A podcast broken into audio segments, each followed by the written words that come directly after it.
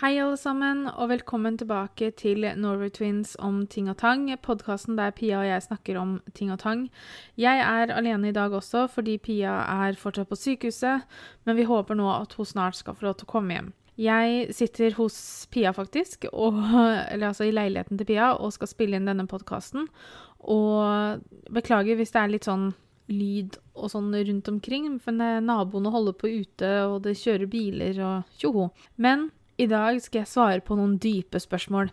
Jeg spurte dere på Instagram om noen dype, tankevekkende spørsmål, og det kan man jo trygt si jeg fikk. Så vi skal jo sjekke ut hva, hva, hva slags fornuftige ting jeg har å svare på disse spørsmålene.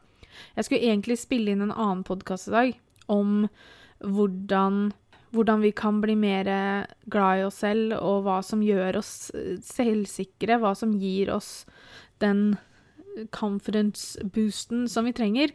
Men noen, meg selv altså, har klart å slette de screenshotta som jeg tok av alle disse fine tinga som dere skrev.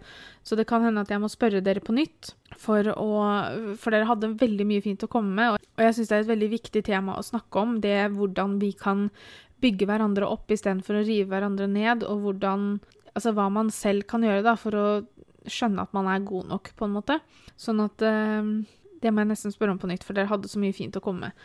Men så i dag så da tok jeg noe annet, og det er da disse dype, tankevekkende spørsmåla. Kan man være fattig og rik på samme tid? Det kan man helt klart. Det å være rik, det vil ikke for meg alltid si at du har masse penger. Man kan være veldig rik uten å ha penger i banken, på en måte. Jeg ser på meg selv som en veldig rik person fordi at jeg har Petter, jeg har Pia. Jeg har familie, jeg har venner som bryr, som bryr, seg om meg. Jeg bryr meg veldig om vennene mine. Jeg har en jobb jeg er kjempeglad i. Jeg har en hobby jeg syns er kjempemorsomt.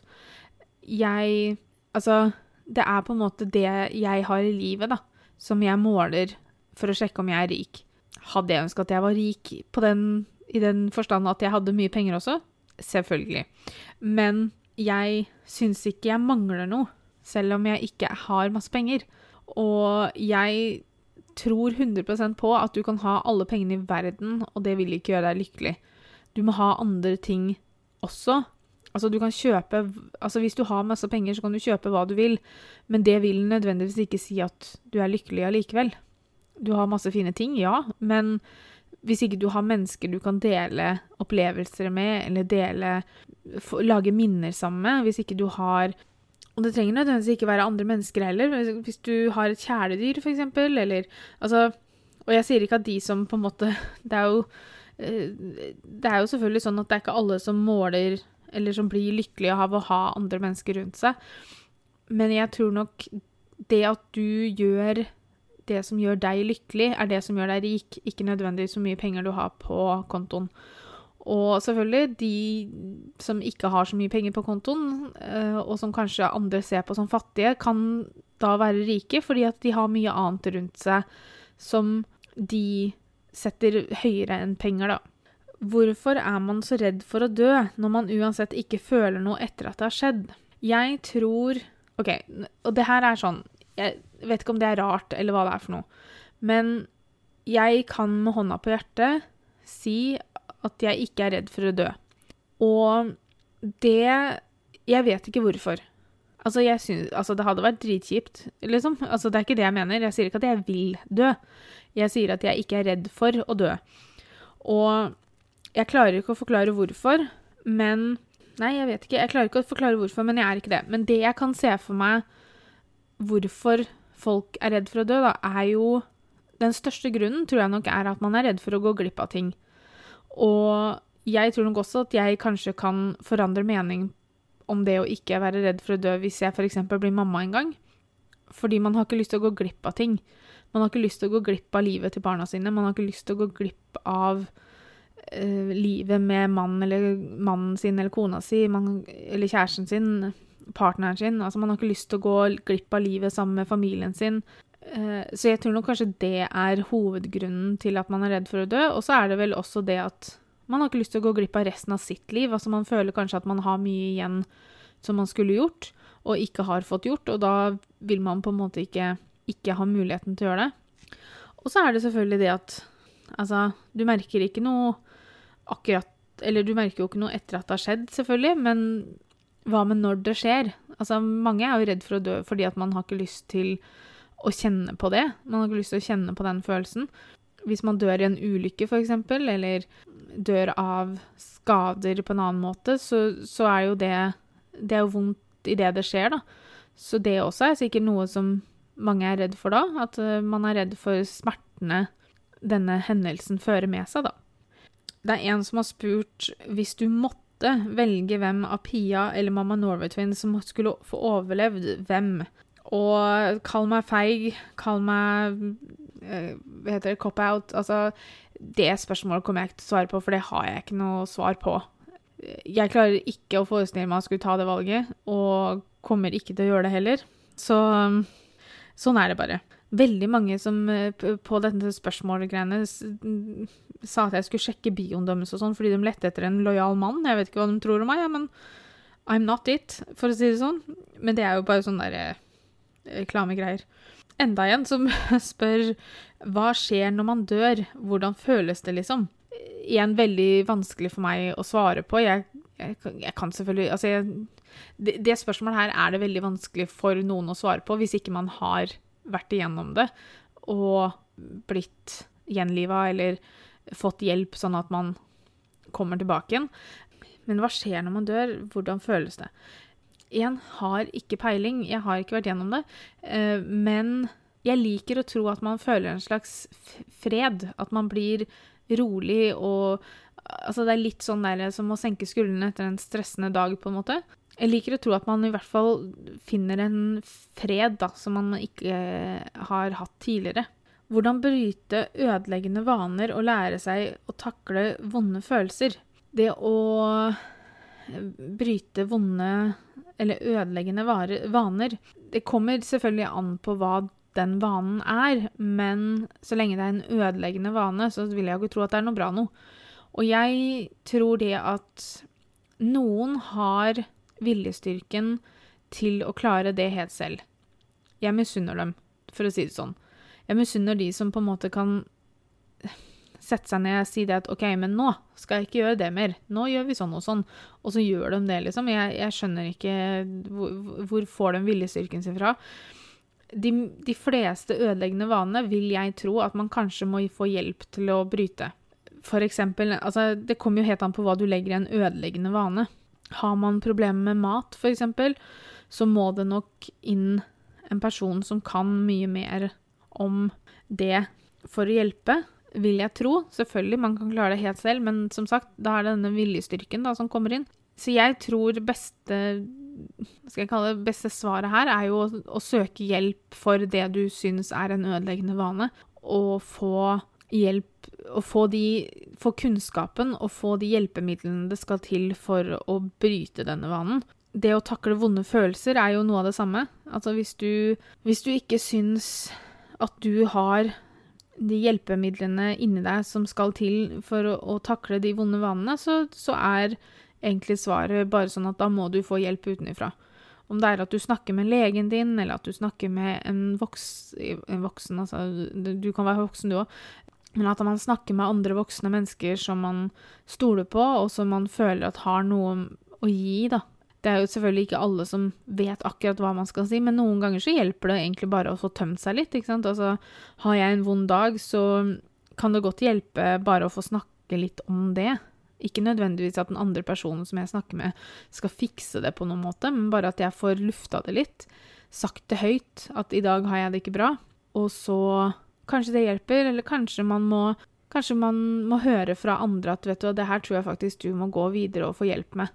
Fordi det her høres ganske alvorlig ut, eller det her høres ut som noe du trenger å snakke med noen andre om, eller kanskje man har vært igjennom lignende, kanskje man kjenner noen andre som har vært igjennom lignende, så man har litt råd og sånn å gjøre.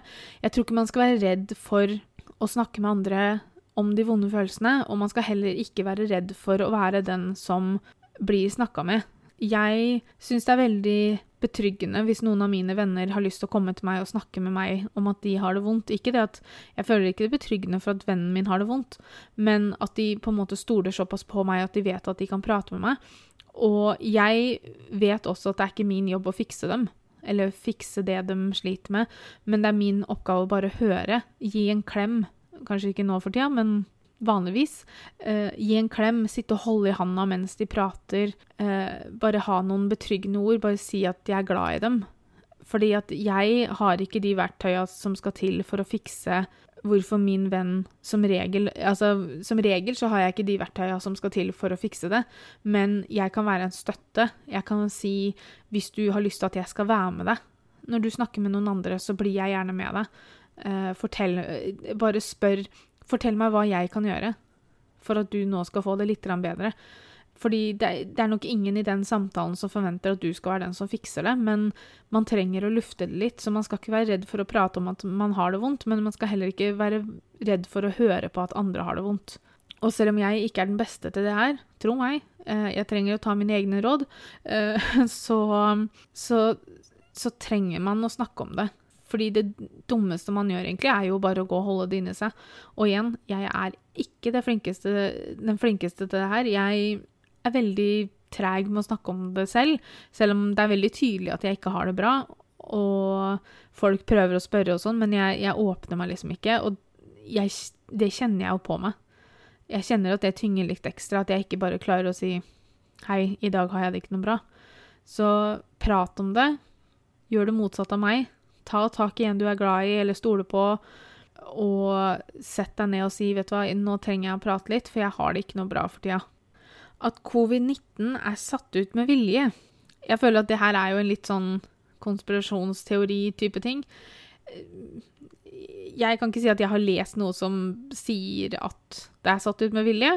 Og altså, hvis det er det, så burde man jo se på Da burde man jo virkelig ta tak i hvordan man gjør ting, spør du meg. Men ehm, nei, for å være helt ærlig, så er det sånn Det er litt sånn fjernt for meg at det her skulle vært noe som ble satt ut med vilje.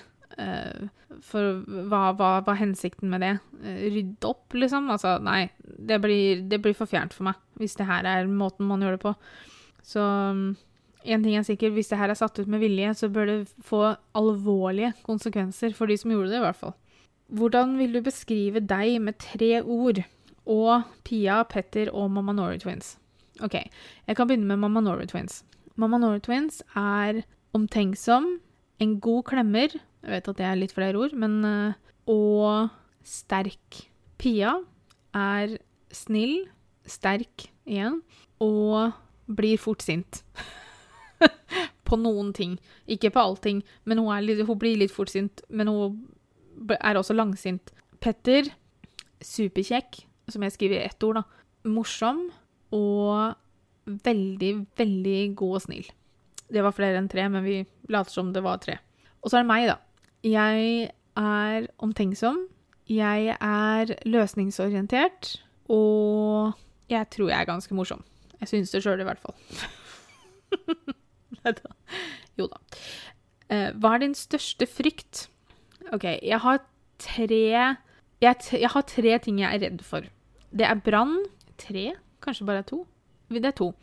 Ja, to ting jeg er redd for. Jeg er redd for brann, og jeg er redd for haier.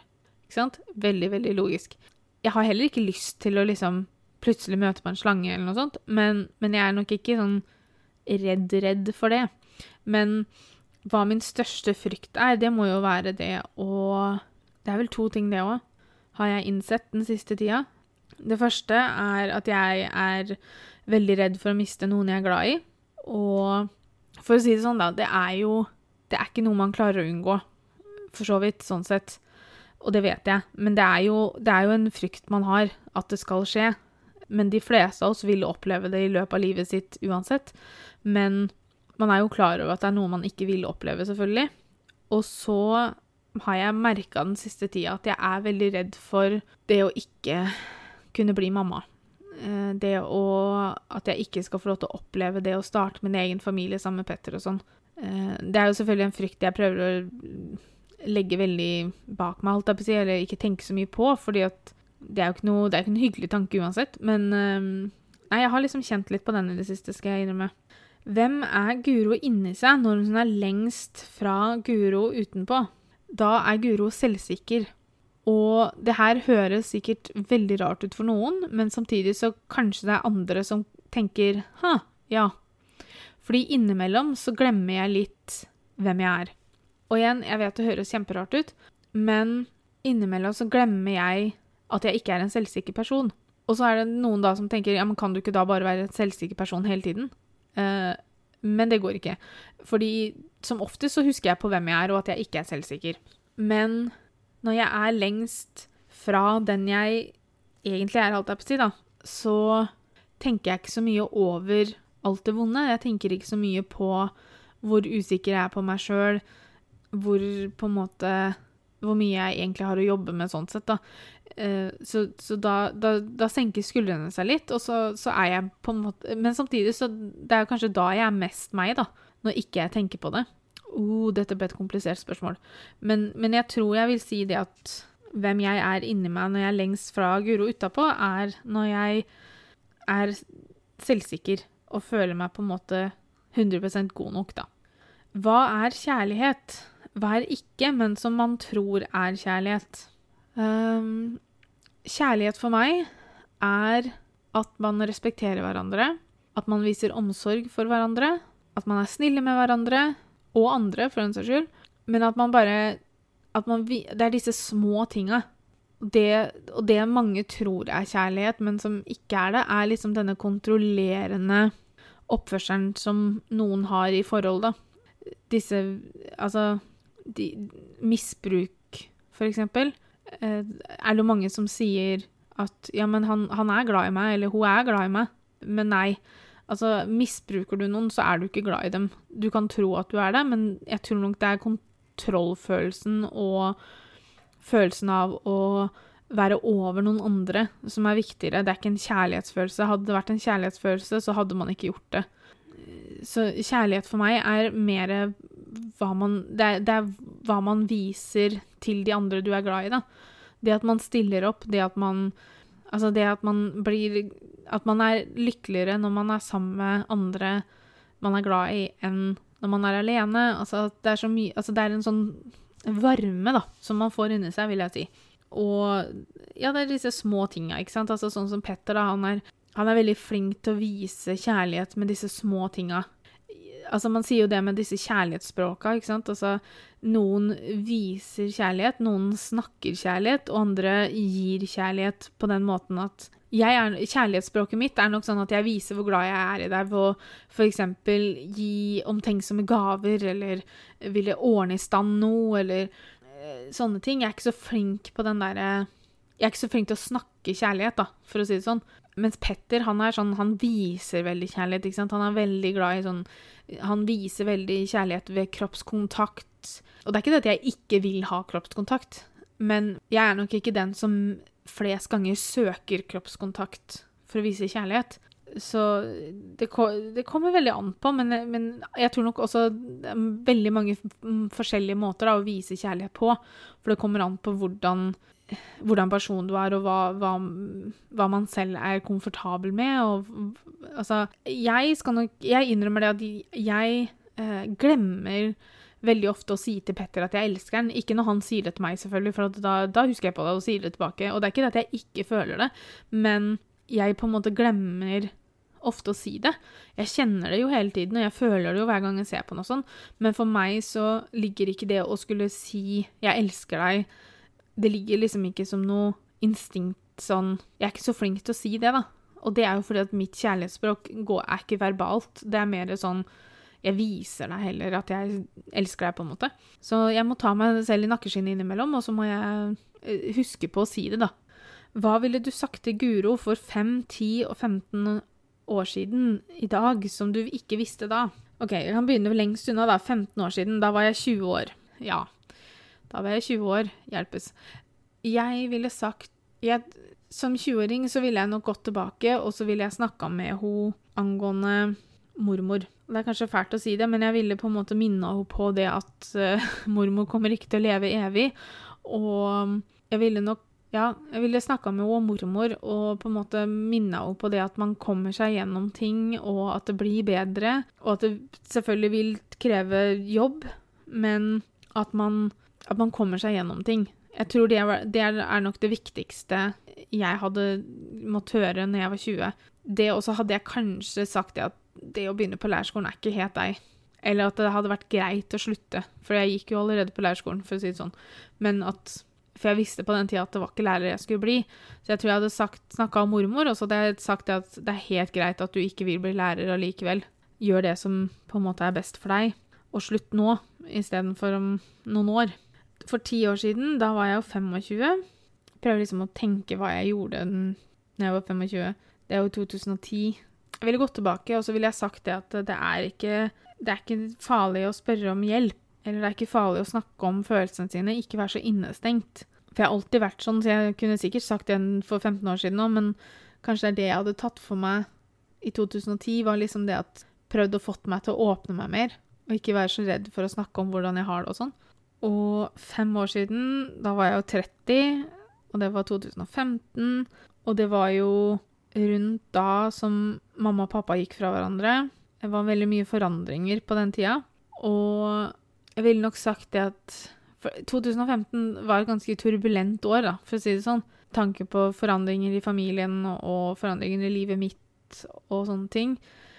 Så jeg tror nok jeg ville sagt Jeg tror nok jeg bare ville sagt til meg selv at uh, Holde ut, liksom. Det, kommer til å gå bra. Og fortalt at i dag så kan mamma og pappa fint snakke med hverandre uten at det er noe problem, og at vi på en måte kan være samla som en familie igjen. Og selv om det virker umulig i 2015, så, så, kommer vi dit en dag. Og at bare vent om et år, så kommer livet ditt forandre seg igjen, og til det mye bedre. For det var jo da jeg traff Petter. så ja. Det er jo Det var mine dype svar, alt jeg på å si.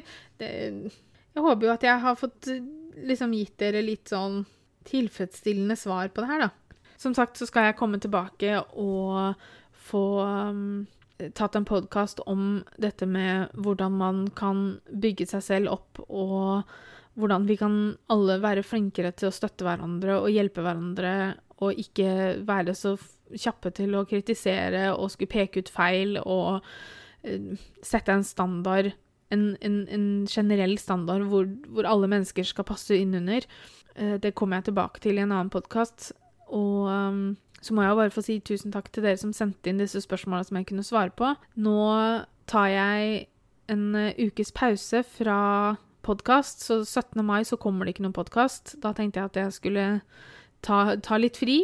Uh, men så er podkastene tilbake igjen etter 17. mai, og forhåpentligvis nå så kommer jo snart Pia tilbake og kan være med i podkastene. Og det tror jeg nok vi alle sammen lengter etter. Det er jo ikke helt det samme å lage det her uten noe, men øh, jeg sier bare tusen takk for at dere hørte på. Takk for at dere sendte inn spørsmål. Og så høres vi senere. Ha det bra.